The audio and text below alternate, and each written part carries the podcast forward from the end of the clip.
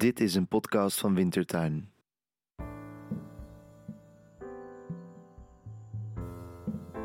Welkom bij Radio Debuut. In deze reeks worden kerstverse debutanten geïnterviewd over hun debuten en het belang van literatuur. In deze aflevering ga je luisteren naar Sel Merel Wenselaars in gesprek met Corinne Heijerman. Welkom, mijn naam is Selm Merel Wenselaars en de gast Corinne Heijerman. Dag Corinne. Hallo. Hey, welkom bij Radio Debuut. Je hebt een debuut, daarom ben je Yay. hier. Het begin en zijn oneindigheid. Nou, jij bent nu dus ook schrijver. Het is te zeggen, je had eigenlijk al een boek geschreven. je had al een, eh, een, een chapboek uit bij Wintertuin. Je bent ook theatermaker, je bent radio-documentairemaker. Je bent Vlaams en je bent Nederlands. Mag ik jou dan een Vlaams-Nederlandse schrijver noemen? Ja, ja, ik denk het wel. Ik word ondertussen ook in Vlaanderen al ja, gevraagd of ik Nederlandse roots heb. Dus eh, ik zit nu toch wel een beetje tussen beiden. Ja, want je hebt in Antwerpen woordkunst gestudeerd, maar je woont in Eindhoven. Je bent kind aan, kind aan huis bij, bij Wintertuin. Ehm, je hebt een relatie met een Nederlander. Eh, dus je, je bent echt een... eh, je, je beweegt soepel over die grenzen. Ja, ik zit in een tussengebied. ja. Ja. Nou, dat chapboek dat je eerder schreef, Mogelijke Eigenschappen, eh, was het een soort etude ook voor dit boek? ja, zeker. Ehm, ik weet nog, toen ik bij Wintertuin kwam, was ik vooral bezig met theater maken. Was ik net afgestudeerd aan woordkunst ook. Ehm, en ik weet nog dat mij toen ook gevraagd werd van...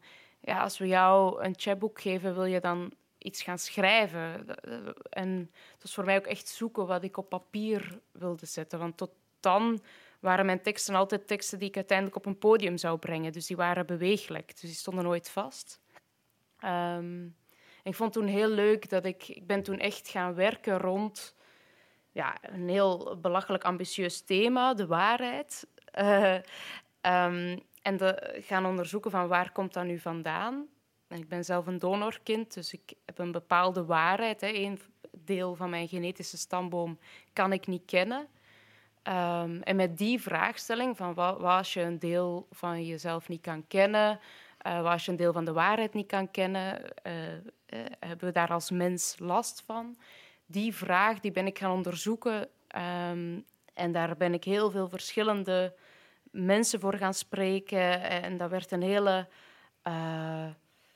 ja, veelzijdig werk, fragmentarisch ook. En dat is zeker wel toen de grondslag geweest eh, voor dit. Dat ik merkte van, ah, ik, ik heb een eigen manier, een fragmentarische manier om te schrijven. Ja, ja en het is echt een, een- Ik vond het een prachtig boek. Het is, eh, het is, het is heerlijk eh, om te lezen. Het is, het is onderzoekend, inderdaad. Het is heel kwetsbaar. Ehm, het gaat over diep menselijke zaken. De titel is heerlijk wijd. En dan draai ik het boek om. En dan wordt het toch wel heel smal. Hè? Als ik het boek heb gelezen en ik lees opnieuw die tekst op de achterflap. En dan gaat het over Marcel, dan gaat het over de grootvader. En dan valt een woord als psychiatrisch ziekenhuis, valt een woord als erfelijke ontregeling, eetstoornissen.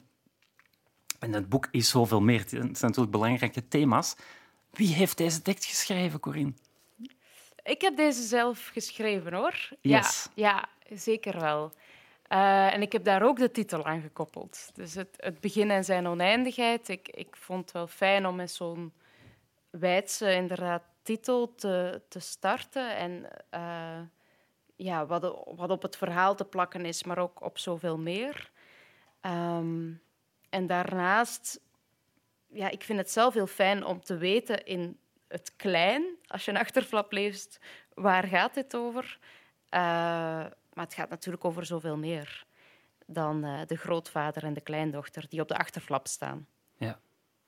Wel ja, want ik, ik moet je bekennen, ik heb het boek al vele maanden in huis. Ik was bij je boekpresentatie, ik heb er mij gelijk in aangeschaft. En nu, zoveel maanden later, spreken we elkaar. Ik heb het eigenlijk pas voor, naar aanleiding van dit gesprek, ben ik het beginnen lezen. Ik heb het deze zomer heb ik het ostentatief laten liggen, omdat ik dacht, ik moet er klaar voor zijn. Ik moet op een bepaald moment klaar zijn. Ik moet eh, mentaal fit zijn, bij wijze van spreken. Ja, wat, wat zegt het over mij? Hè? Dat, dat ik, eh, en wat zegt dit misschien over de maatschappij? Dat ik denk, oef, eh, ja, hoe moet ik dit lezen? Heb ik hier zin in? Ja, ja, ja, ja, dat is, ik, ja, dat is wel heel interessant. Omdat ja, het, eh, op de achterflap staat dat het over eetstoornissen, over psychische kwetsbaarheid gaat. Maar het, het gaat eigenlijk over mens zijn, over, over uh, hoe je leeft, hoe, hoe, mensen samenleven, hoe mensen communiceren. Um, en de twee hoofdpersonen in het boek zitten dan in een ontregeling. Maar ja, wie, wie zit er niet in een ontregeling? Zou het je kunnen afvragen. Ja. ja. Ja, want het gaat ja wat zegt dat over jou? Ja, dat weet ik niet. Ik, maar ik denk dat, dat, ook, dat wij als mensheid echt, of als mensheid, als mensen de dingen categoriseren en, en, en dat we dat allemaal doen. Hè. Het is, uh, iemand is dan psychisch kwetsbaar en iemand niet.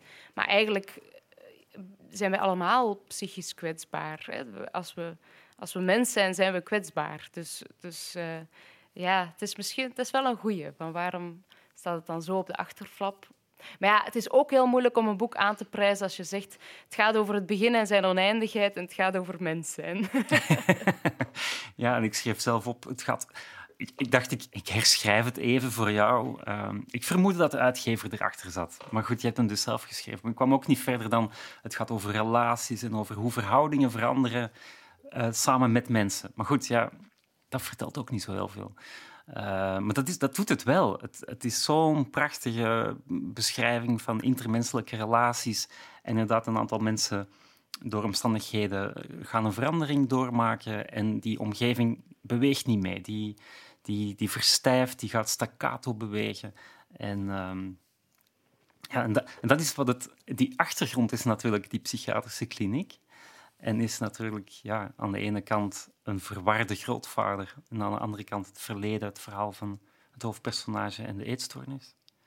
Maar in, in essentie, voor mij ging het inderdaad, en daar zat de schoonheid en daar zat ook de humor, over wat die mensen eigenlijk, het onvermogen van al die mensen, van iedereen, van de normale, de abnormale, wat dan ook. Ja, ja ik, um, ik ben onlangs nog op residentie geweest in een psychiatrische afdeling.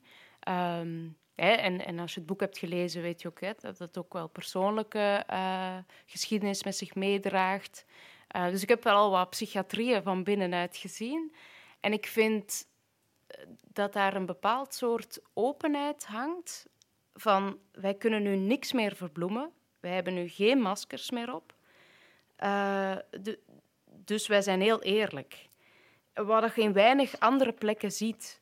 En ik denk dat ik daarom ook wel die plek graag wilde beschrijven, omdat het echt laat zien hoe menselijke uh, ja, relaties gaan.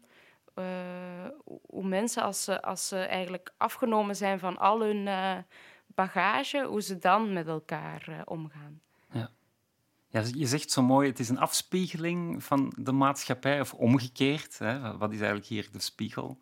Ja, als je als je in zo'n psychiatrische omgeving bent, dan, dan zie je ook... Ja, ten eerste is het al een spiegel, of heb ik het zo benoemd, omdat je iedereen daar ziet. Hè. Vaak hebben we een idee van, ah, die mensen moeten daar dan wel zijn. Maar dat is niet zo. Er zitten echt alle klassen, alle, ja, echt een grote diversiteit aan mensen. Uh, en daarnaast is het ook zo dat je soms daar ja, ik, ik moet soms terugdenken aan... Ik heb ook een tijdje radio gemaakt in uh, de... Ja, wat ze hier in Nederland TBS zouden noemen. Um, maar dan in België. En, en die, in België zaten ze op dat moment nog echt in de gevangenis. Uh, de mensen die dus onder psychisch lijden hun, hun daad hadden gedaan. En, uh, en ik weet nog dat op een bepaald moment was... Toen ik daar werkte, was, waren de aanslagen in Brussel... En dat, dat er zo echt werd gesproken over wat, gebeurt er allemaal in de maatschappij? Hoe, hoe reageren mensen daarop? En ze lazen er dan over in de kranten en hoe, dat, hoe hysterisch dat iedereen... Dat, zo heel de situatie van de maatschappij werd eigenlijk in die plek heel anders beleefd. En ja, soms bijna gezonder dan dat het in de maatschappij gaat. Ja. ja, want je denkt, je trekt mensen uit die maatschappij, je zit die ergens binnen... Maar wat je natuurlijk ook heel mooi illustreert met het boek, is ja, het, het zit niet in de mensen zelf. Het is inderdaad die context. Het is die maatschappij. Het is de interactie, de voortdurende interactie met die omgeving. Ja, het is, uh, ja, je hebt een je hebt natuurlijk iets intern, hè, een, een, een, ontregeling, maar van waar komt die? Eh, dat is ook de titel, het begin en zijn oneindigheid. Waar begint zoiets? Het zal zeker dat dat te maken heeft met uw, uw eigen uh, ervaringen, uh, wat je in je leven hebt meegemaakt. Maar het komt ook door de omgeving waarin je opgroeit en, uh, de maatschappij die wij allemaal om ons heen hebben.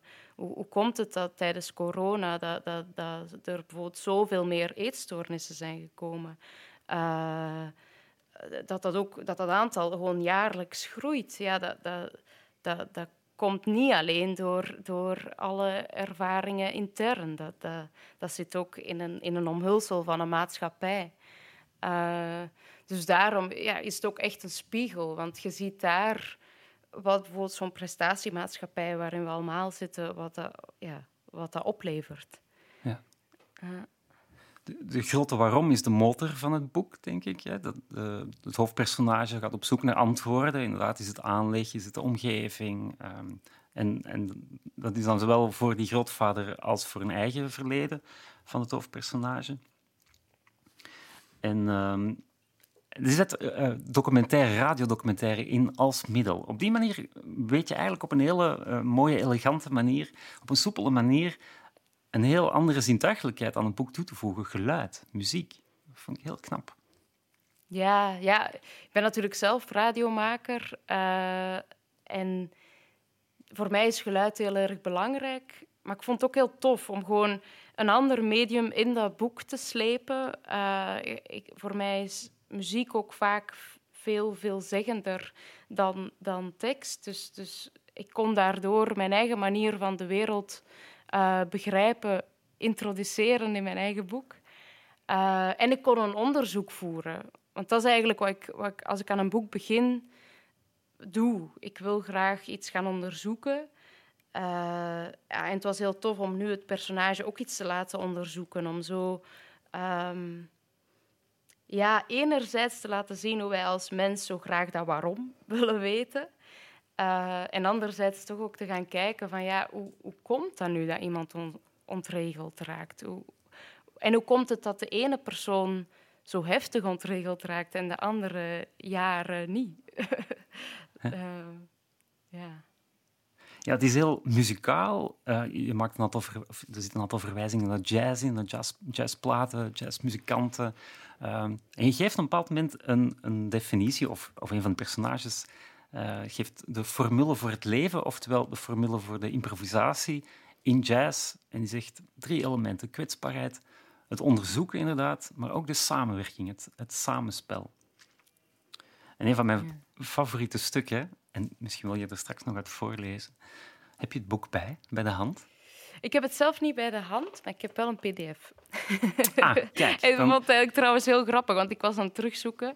En mijn boek heeft dus een pdf DEF 2. Def dat is toch heel grappig dat er dus een Def 1 was. En toen, ja, die heb ik ook. Maar er is dus blijkbaar, ik weet al niet meer wat dat was, maar er was ergens een, nog een fout waardoor ik een Def 2 heb. Ik dacht dat ik dat alleen maar in het middelbaar heb gehad, Def 2's, maar uh, blijkbaar. Uh... ah, wel, zoek je alvast naar pagina uh, eh, 85. Want je hebt, er zitten twee hele mooie beschrijvingen in van, van hoe zo'n jazz trio dan um, werkt. En eentje, ja, die, um, dat is een gelegenheidstrio. Dat, zit, uh, nou ja, dat zijn drie mensen die elkaar hebben gevonden in zo'n psychiatrische kliniek. En het andere is van hoe professionele muzikanten met elkaar omgaan. Zou je dat stuk op pagina 85 willen? Ja, die begint met ja, maar ik kan het niet. Yes. Ja, maar ik kan het niet, herhaalt hij droogjes. Ik behoor niet tot de muziekwereld. Toen mijn grootvader na zijn pensioen uit de harmonie werd gezet, had hij gezegd: Het is niet erg. Hoger dan dit niveau ga ik toch nooit kunnen spelen. Alsof dat het doel van een hobby is: de beste trompetist ter wereld worden. Ik ga kijken, beslis ik. Mijn grootvader zucht en knoopt zijn gele hemd dicht, steekt de onderkant in zijn pantalon en loopt met mij mee naar de huiskamer. Er staan drie mensen voor de muziektherapeut. Ronald, een smalle man met lange haren en een vrouw die lijkt op mijn docenten stemgebruik van de toneelschool. Een nette dame die op een mountainbike naar het werk kwam en in de pauze met snelle halen een sigaret rookte. Kom meedoen, Marcel, roept de muziektherapeut. Met zijn arm vol tatoeages van dieren maakt hij een uitnodigend gebaar, waarop mijn grootvader meteen de rechtsomkeer maakt. Ik pak nog net zijn hand, leid ons samen naar de bank die in de hoek van de huiskamer geschoven is. Zet mijn recorder aan. De vrouw, die op mijn docenten stemgebruik lijkt, heeft de backing vocals voor haar rekening genomen. Op willekeurige momenten zingt ze lange klinkers. Oeh, a en o achter de zinnen aan. Wat toevallig ook de specialiteit van mijn docenten was. Ronald neemt de leading voice voor zich, luid en gedreven. De smalle man heeft een kleine xylofoon vast. Alle drie kijken ze met gefronste wenkbrauwen en hebben hun oren gespitst. Ik weet dat hier mensen verblijven die meerdere stemmen horen. Deze drie doen op dit moment ontzettend hun best om boven alle andere stemmen vooral naar elkaar te luisteren. Mother, mother, zingt Ronald. Eh, de vrouw. Haar voeten twijfelen ook. Everybody thinks we're wrong. Ah. Oh, but who are they to judge us? Ooh. Simply cause our hair is long. Oh.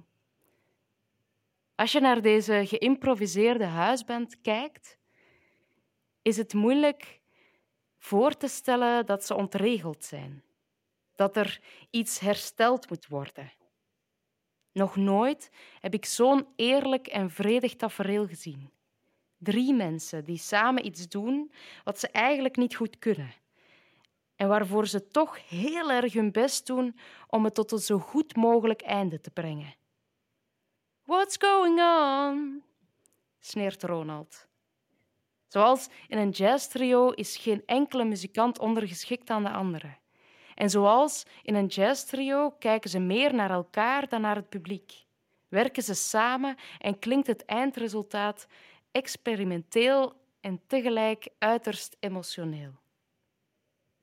Het is gek om te bedenken dat Ronald, de smalle man en de dubbelganger van mijn oud-lerares, hiervoor een totaal ander leven hadden. Dat Ronald misschien barman is geweest en de vrouw een directrice dat de magere man misschien wel vader is. En dat ze nu hier samen liedjes van Marvin Gaye zingen. Mijn grootvader kijkt toe en knikt met de maat mee. Al kan dat ook mijn gevoel voor perceptie zijn. De wens als vader van de gedachte. Aan het einde applaudisseren we. De muziektherapeut het luidst. Het klappen weergalmt in het afgesloten vacuüm waarin yoga wordt gedaan, beeldjes worden geboetseerd en liedjes gezongen. Waarin gegraven wordt naar een verklaring en gebouwd wordt aan een oplossing. Niet aan de oplossing, want iedereen in het vacuüm weet dat die niet bestaat. Dankjewel. Jeetje. Nou, ik vind bij dit stuk komt jouw poëtica ontzettend tot zijn recht. Daar zie je, nou, het zijn zowel die hele goede, scherpe observaties in mooie zinnetjes, heel precies. En ik kan het niet anders zeggen, maar heel veel humor en ontroering tegelijk. Um, bij momenten moest ik aan Bernard de Wulf denken. Ja, uh, ja. Dat, is, dat vind ik wel een compliment, ja. ja. En omdat het, nou ja, omdat het toch een soort van Vlaamse heimatroman ook is. Mag ik dat zeggen? Is dat... Ja, ja, ja, ik vind dat wel, wel een compliment. Ook dat, dat, dat, Vlaamse zit er natuurlijk heel erg in. Het is een heel erg... Zeker de grootvader en de grootmoeder zijn heel erg Vlaamse types, denk ik. Heb je met je redacteur van de uitgeverij, heb je daar af en toe over moeten discussiëren, over bepaalde frases of woorden? Ja, ik denk uit de uitgeverij was sowieso wel een, een liefde voor, voor de manier waarop ik dingen beschrijf, hè, of, of, mijn Vlaamse taal. Dus het was niet van dat die weg, weg moest of zo. Uh, zou ook gek zijn, want ja, dat ben ik gewoon. Um, maar we hebben wel soms het gehad over bepaalde woorden. En ik vind zelf ook wel belangrijk dat mensen, dat vind ik ook als ik praat hier in Nederland, eh, wil ik dat ze mij kunnen begrijpen. Dus ik, ik zeg ook oom en niet nonkel of, of zo'n dingen. Gewoon omdat, omdat ik die stap al voor wil zijn. En als ik het zelf wel een heel mooi woord vind, wil ik het wel gebruiken. Uh, maar nu bijvoorbeeld voor nonkel voel ik niet zo heel veel, dus dan is oom prima. Uh, maar dus over sommige woorden hebben we wel discussies gehad, omdat, dan, ja, omdat het gewoon echt niet begrepen werd. En dan, dan vind ik het een ander verhaal, want dan gaat het ook om de begrijpbaarheid van een tekst.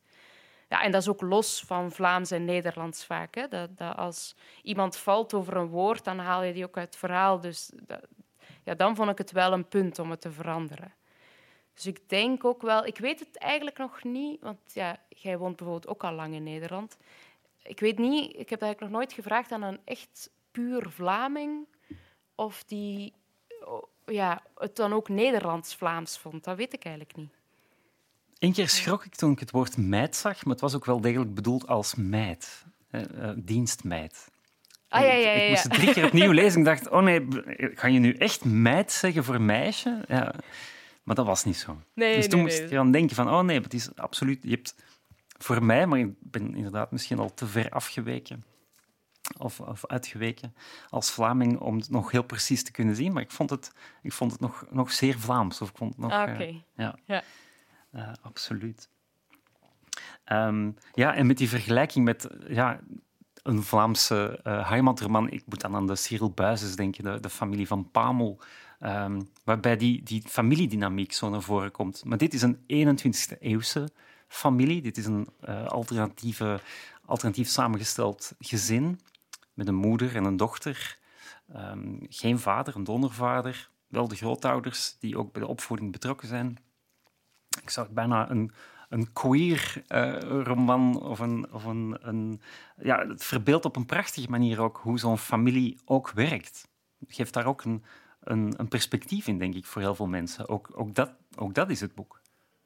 Ja, ja het, de familie is natuurlijk een heel mooi symbool voor de maatschappij eigenlijk. Hè? Hoe dat je samenwerkt, hoe dat je voor elkaar zorgt ook. Ook als je uit verschillende generaties komt. Hè? In het boek is ook de kleindochter zorgt op een bepaalde manier meer voor haar grootvader op dat moment dan de grootvader voor zijn kleindochter.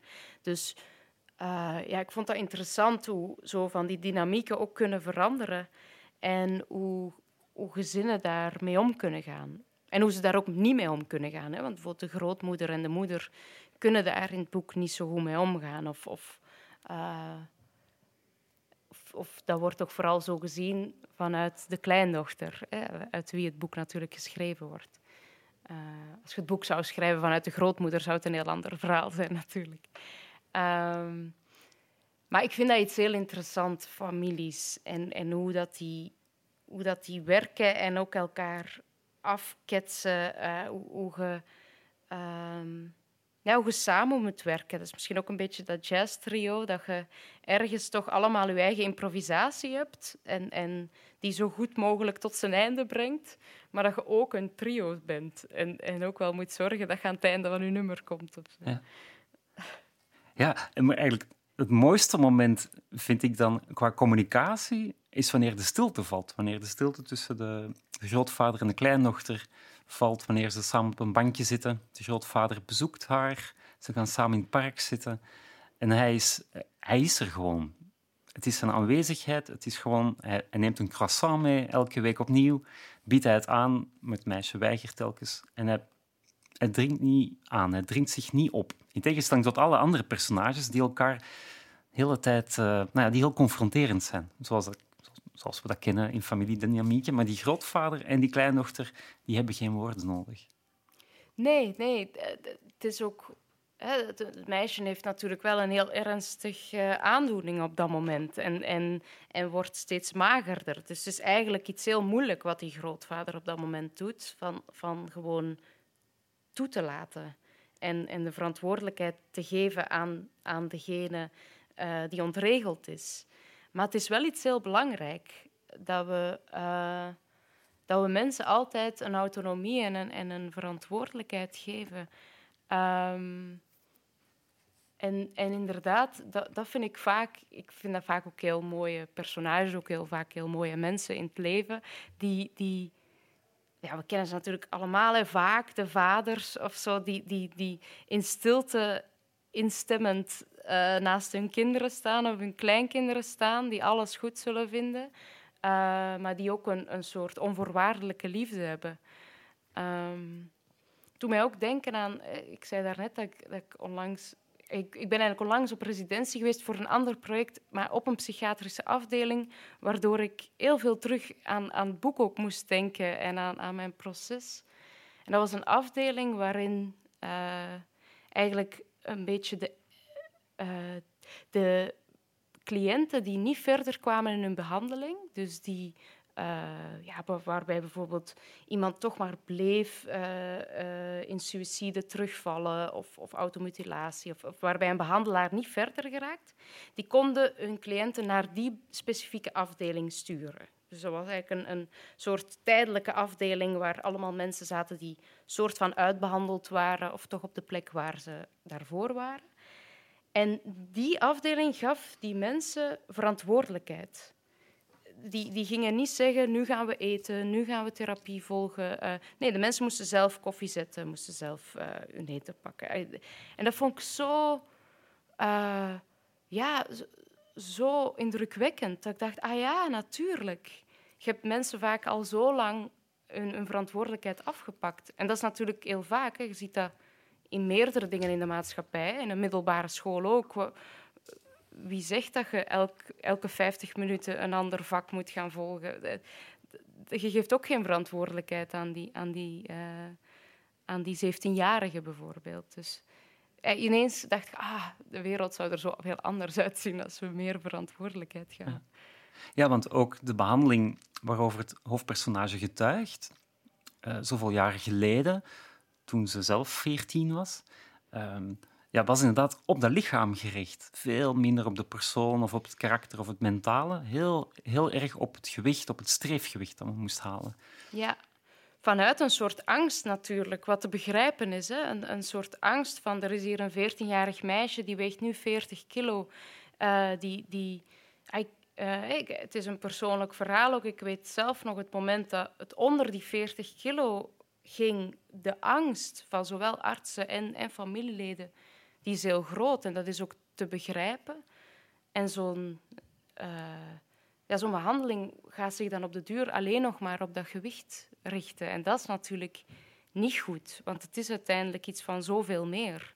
Het is iets van gedrag, het is iets van, uh, van je psyche. Het is, er zitten zoveel haakjes. Het is iets van uw, uw omgeving, uw, uw familiale omgeving, maar ook, ook de, de bredere maatschappelijke context. Dus eigenlijk zou het goed zijn om, om zo'n zo'n zorgtraject op al die dingen te richten. Uh, maar het wordt heel vaak, en zeker als het over eetstoornissen gaat, maar, maar eigenlijk in het algemeen wordt het heel vaak op, op de gezondheid gericht. Ook op, op welke medicatie en, zo'n dingen. En de, ja, dat is, uh, dat, is, dat is jammer, want het heeft een breder idee. Ja. Nou ja, het hoofdpersonage um, belandde um, op de afdeling eetstoornissen. In, dezelfde, in hetzelfde ziekenhuis waar dan zoveel jaren later haar grootvader ook uh, terechtkomt. En de familie is er heel nauw bij betrokken. Daar zie je ook gewoon die dynamieken. Uh, zie je ook, die kinderen komen ook ergens vandaan. Ook dat is een deel van hun verhaal. Dat is een bepaalde methodiek of een bepaalde approach. Uh, hoe, zou je, noemt die? Of hoe heet die? Ja, dat heet de multifamily therapy. Ehm, die heb ik zelf ook gevolgd. Dat is, ja, dat is een experiment eigenlijk, waarbij de families mee betrokken worden. Vanuit het idee dat het heel vaak in, in uh, de psychische gezondheidszorg wordt, is vaak een opname en dan gaat de persoon helemaal uit de leefomgeving en later gaat hij weer terug. Maar ja, als je je dat al voorstelt, dat iemand helemaal uit de leefomgeving gaat in een soort vacuüm en daarna weer terug, ja, dat, dat, dan kan die helemaal terugvallen in oude patronen. Want wat we net ook zeiden, het gaat dan vaak om juist die omgeving. Dus daar was het idee van, maar wat als we die families nu al in elk geval meenemen in, uh, in, in de therapieën? en ja, in het boek hè, zie je ook hoe dat, dat dan botst. Dat dan, uh, ja, dat dan ook gaat over de eetgedragingen van die familie. Of, of dat, het, dat er uh, ineens ouders ook op, op hoe ze opvoeden aangesproken worden. En, en dan, gaat dan is dat natuurlijk ingewikkelder. Uh, en ook komisch. Ik vond het wel heel leuk om, om juist ook het komische aspect daarvan uh, uh, ja, uit te lichten in het boek. Absoluut, ja. Ik heb ongegeneerd luidop gelachen soms. En nou ja, een van de, de... Misschien wil je nog een stukje voorlezen. Ik heb nog een verzoekje. Een verzoekplaat. Ja, het is toch... Dat is goed. Ik benader het toch als een, uh, als een jazzplaat, als een heel goede jazzplaat, een compositie. En een van de lijntjes die doorheen je plaat loopt, is ook de ruimte. Uh, uh, space, je hebt het over de fallen astronaut, je hebt het over raketten enzovoort. En nou ja, opnieuw in die kliniek, op een bepaald moment heb je het over de optimistische ruimtevaarder. En ehm, als je het er niet mee eens bent, dan... Jawel, jawel. En ik vond dat ook een heel mooi stuk, ja. Omdat, omdat je daar heel mooi ook... Ja, het is ook een voorbeeld van hoe, hoe, hoe je daar toch een lichtheid in weet te brengen. In iets wat ontzettend zwaar is. Want um, is dit een spoiler als we zeggen dat Fiona... Nee, ja. Nee. Ik, ik, ik heb sowieso al dat mogen mensen wel weten, geen plot. dus uh, nee, nee, ja. nee. Ja, dus nou ja, het hoofdpersonage zit met vijf magere meisjes in een kliniek en Fiona is een van hen. En we hebben net, of de meisjes hebben net vernomen dat ze gestorven is. Ik, ik zeg even voor de definitieve versie 2, DEF 2, ja. uh, pagina 136. 136. Ja. Ik vind het trouwens wel heel leuk dat je het een verzoekplaat noemt. Want ik heb altijd een beetje het gevoel, ik ben... Uh, ik zong vroeger jazz, dus zo jazz standards. Dat was, uh, en ik ben dan uiteindelijk... Ik heb soms een beetje het gevoel dat ik dan... Ik heb dan voor woordkunst gekozen en dan had ik ook geen tijd meer om te zingen. Maar dat ik zo een beetje heb gekozen van... Wil ik nu met muziek verder gaan of wil ik met uh, schrijven verder gaan? Dus misschien daarom ook dat er zoveel jazz in zit. Toch zo'n soort van... Uh, ja, die, die jazzcarrière die nooit gelukt is, toch nog erin te weven. Ah, ik heb het gevonden, 136. En vanaf uh, in het ziekenhuis? Ja. Of, uh, ja. In het ziekenhuis werd dikwijls herhaald dat wij aan de enige psychische ziekte leden waaraan je rechtstreeks doodgaat.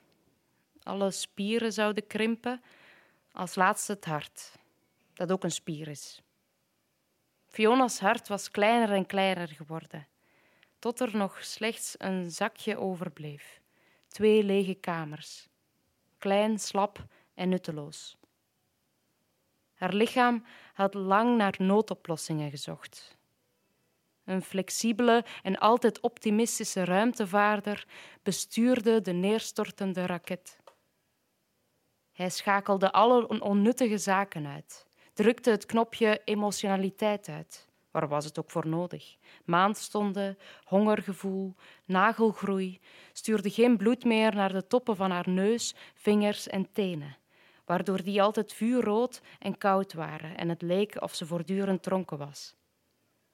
Andere hulpmiddelen werden ingezet. Kleine donshaartjes groeiden over haar hele lichaam om haar te beschermen tegen kou de geringe voedselinname werd in kleine stukjes eerlijk en zorgvuldig over het hele lichaam verdeeld. De reserves waren al meer dan weken op en toch vond de raketbestuurder elke dag weer een manier om door te gaan. Door te gaan met neerstorten. Dankjewel. Wat is dat, die fascinatie bij jou voor, voor de ruimte, voor de sterren? Ja, hier begon het ook wel vanuit uh, ja, het overview-effect. Dus dat je eigenlijk, hè, dat de astronauten die de wereld vanaf de maan hebben gezien, dat die plots echt verliefd werden op de wereld en plots ook zo het overzicht hadden. Ineens zagen van, ah, maar dat is het. En hè, dat is het land, dat het, de zeeën. Uh, het is gewoon overzichtelijk.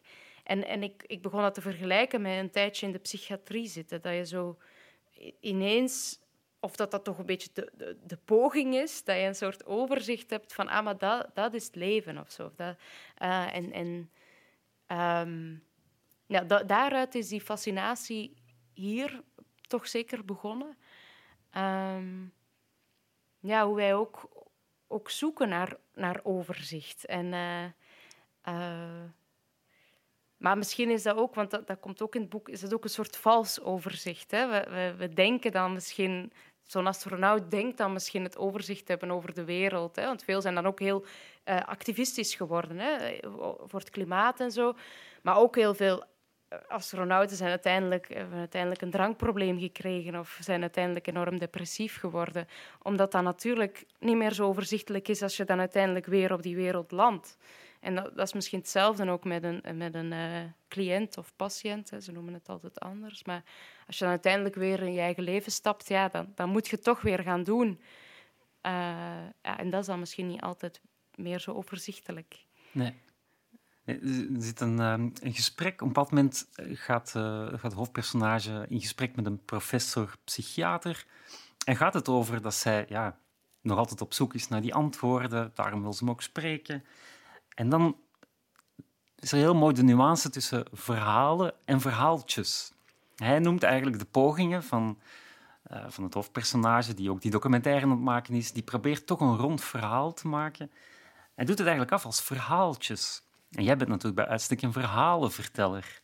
Dat is, dat is jouw core business als theatermaker, als radiodocumentaremaker, als schrijver. Ja, ja. Ja, ik denk dat daar het verschil tussen een verhaaltje is een, is een uitleg eigenlijk. Van, hè, we, we hebben... Uh, dit is de reden van het grote verdriet, van die, van die grote depressie. Is dit korte, samenvattende verhaaltje met een begin, midden en eind, dat is dus de uitleg. Uh, dat is onze reden. En, en inderdaad, de, de, wat het hoofdpersonage doet, die verhalen maken, dat is wel iets met losse eindjes. Dat, dat vraagt zich ook heel tijd af. Van, kan ik iets maken waarbij, waarbij het niet eindigt? Waarbij we niet weten of, of de grootvader uiteindelijk uh, ja, nog gelukkig gaat zijn. Dat weten we niet. Dat, ja, je weet dat je weet het als die, als die nog leeft, maar hoe dat hij zich voelt, dat weten we niet. Uh, en ja, ik denk dat dat daar, dat, ze, dat, dat daar het verschil tussen is. Um, ja, en ik vind dat zelf ook wel een heel belangrijk verschil. Ik, vind, ik wil geen verhaaltje maken. Of ik, uh, ja, ik denk ik ook altijd, als ik iets schrijf, probeer juist het te hebben over dat wij ons als mens altijd maar willen alles categoriseren en weten. En dit is goed en dit is slecht en dit, uh, dit is makkelijk en dit is moeilijk. Maar eigenlijk loopt dat allemaal door elkaar. Dat is fluïde. Uh, ja. En hoe kan je tot een einde aan dat verhaal... Hoe, hoe, maak je een einde als je nog midden in het verhaal zit? Dat, dat zegt het hoofdpersonage ook luidop. Die grootvader leeft nog, maar het zou eigenlijk voor het verhaal zou het beter zijn. Ja. Ja, als die zou sterven, dat zou, dat zou uh, een rond verhaal maken. Maar zo, zo gaat het niet. En ook als hij zou sterven, dat, dat, dat, staat, dat zegt ze dan ook ergens. Het is lang geleden dat ik het geschreven heb, maar dan, hè, dan zit je weer met al die rouwende. Dan, eh, dat, is nog lang niet gedaan. Als maker heb je een, een hele grote interesse in die kleine verhalen. Hè. Je werkt uh, ook in theater, werk je bij mensen die anders niet op, eh, op de bühne staan. Hè. Je bent geïnteresseerd in, in de verhalen van, van alle dag. Of nee, misschien net in heel bijzondere verhalen van mensen van alle dag. Wat, is dat? Wat, van waar komt die fascinatie? Wat, wat drijft je? um, ja, ik vind het, het kleinmenselijke inderdaad iets mooi.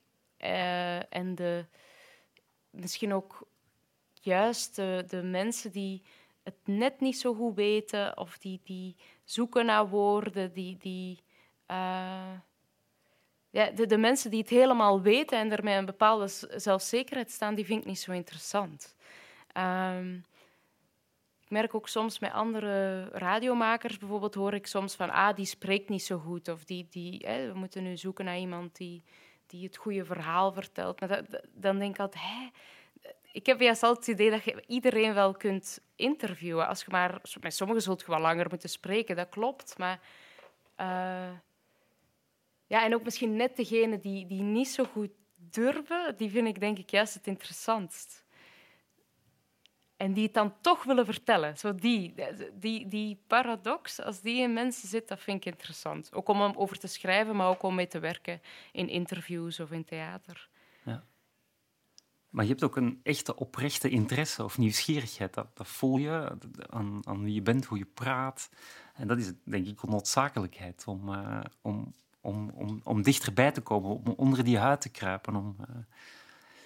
Ja, er is eigenlijk aan iedereen altijd iets wat je niet verstaat of wat je niet goed begrijpt. En dat, dat is vaak heel interessant, dat, dat iemand ja, een bepaalde keuze in zijn leven maakt uh, en dat, dat je die niet goed snapt. En daar, daar dan rond, rond werken, dat vind ik, dat vind ik heel interessant. Ja. ja. Je bent ook op je eigen huid heel dicht gaan zitten. Je bent ook onder je eigen huid gekropen. Er zit ook een scène of een... Uh, wacht, als we het dan weer in de plaat uh, metafoor houden. Er zit, een track in um, waarbij dan... Um, dat is nog niet ter sprake gekomen. Hè. De communist, de, de, partner van het hoofdpersonage, ze hebben een, een, gesprek en dan gaat het erover van, um, komt het niet te dichtbij? Hè? Is het onderzoek niet te persoonlijk aan het worden? Het onderzoek voor dan in het boek de radiodocumentaire. Maar ja, voor jou persoonlijk, er zitten ook een aantal persoonlijke elementen in. Heb je in het schrijven, in het proces, ook af en toe gedacht, oef, um, was, dat, was dat zoeken voor jou? Ja, ik ben eigenlijk begonnen met het onderzoek uh, naar mijn grootvader. Ik heb een, een, grootvader die voordat ik geboren ben gestorven is en die in een psychiatrisch ziekenhuis is terechtgekomen. En ik heb mij altijd afgevraagd hoe dat, dat kan, dat je op het einde van je leven in, op zo'n plek terechtkomt. Dan, is er dan iets misgegaan in dat leven of is dat door die eindfase die gewoon heel deprimerend is? Of, of ja, ik, ik, wilde dat gaan onderzoeken, maar ik wilde dat wel in fictie gaan onderzoeken. Dus uh, ik wilde eigenlijk mijn grootvader leren kennen als personage en niet als wie dat hij echt was. Ik heb dus ook geen familieleden gesproken en zo. Ehm, maar toen kwam ik er plots, en dat is eigenlijk grappig, want ik had natuurlijk dat idee wel goed uitgedacht, maar toch had ik mij niet beseft dat ik natuurlijk zelf ook in zo'n ziekenhuis had gezeten. Maar dat had ik mij niet beseft vooraf.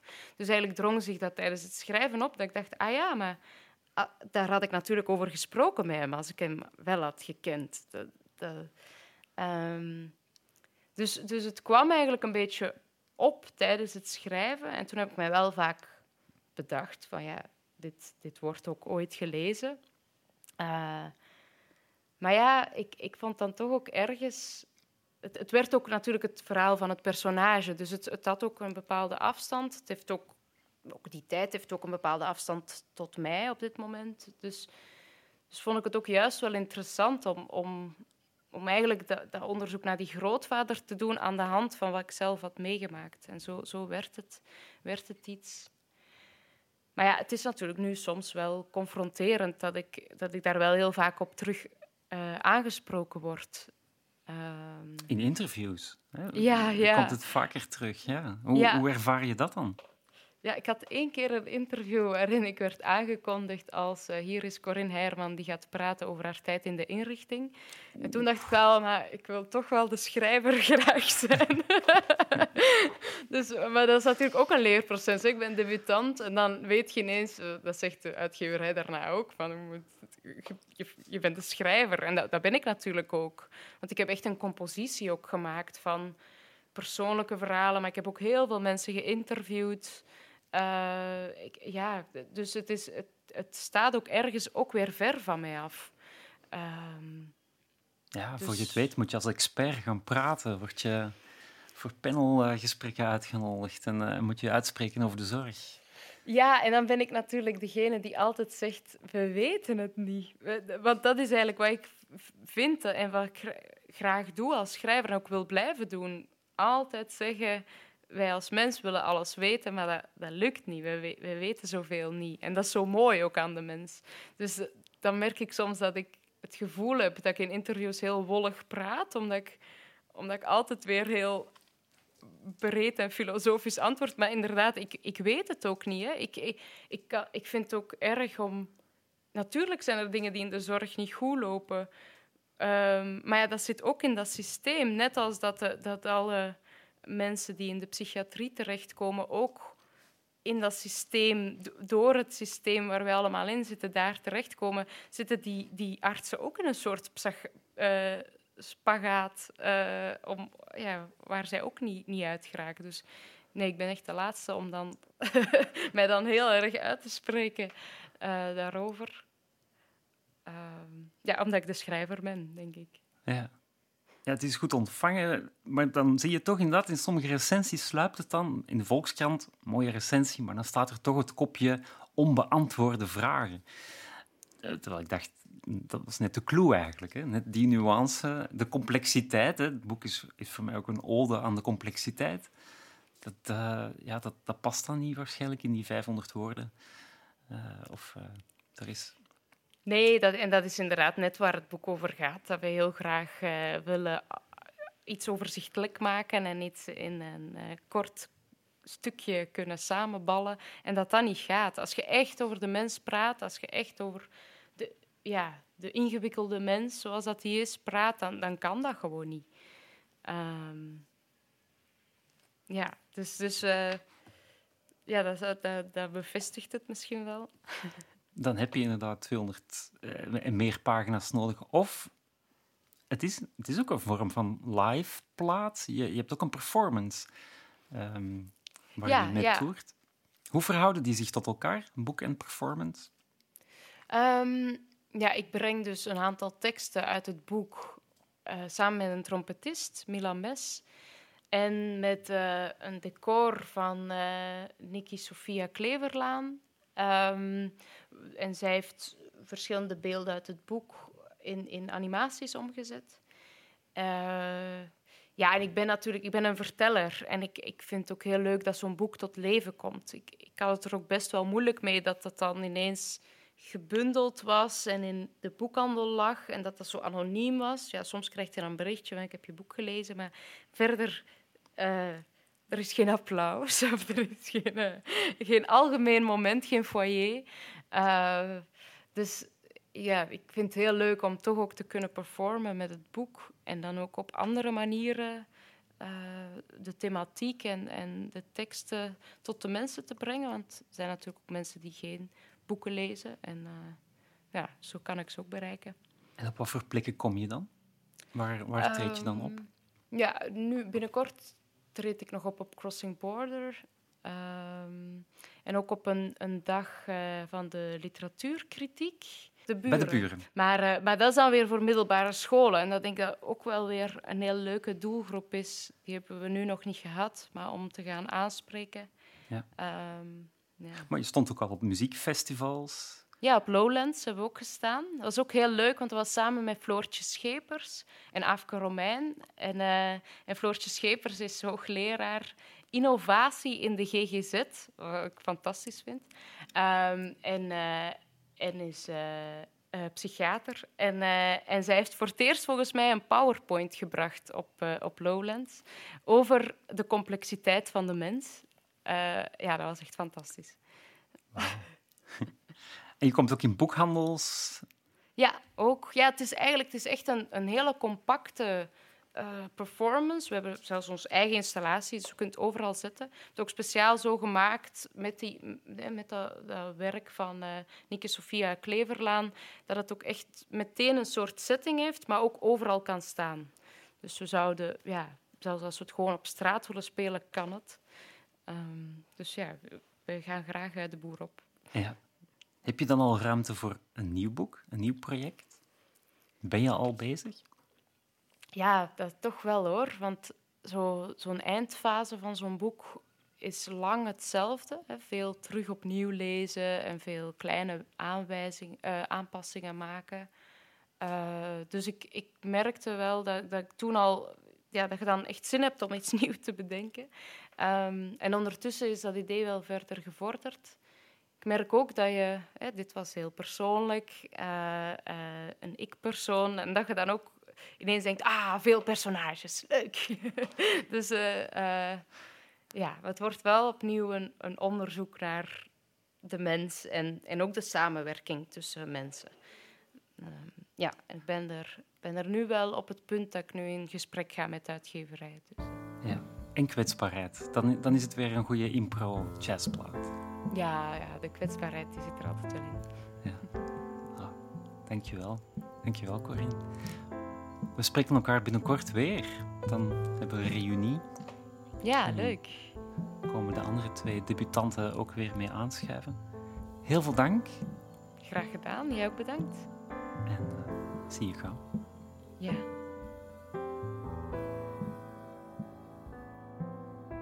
Bedankt voor het luisteren naar Radio Debuut. Kijk voor meer informatie over deze reeks in de show notes.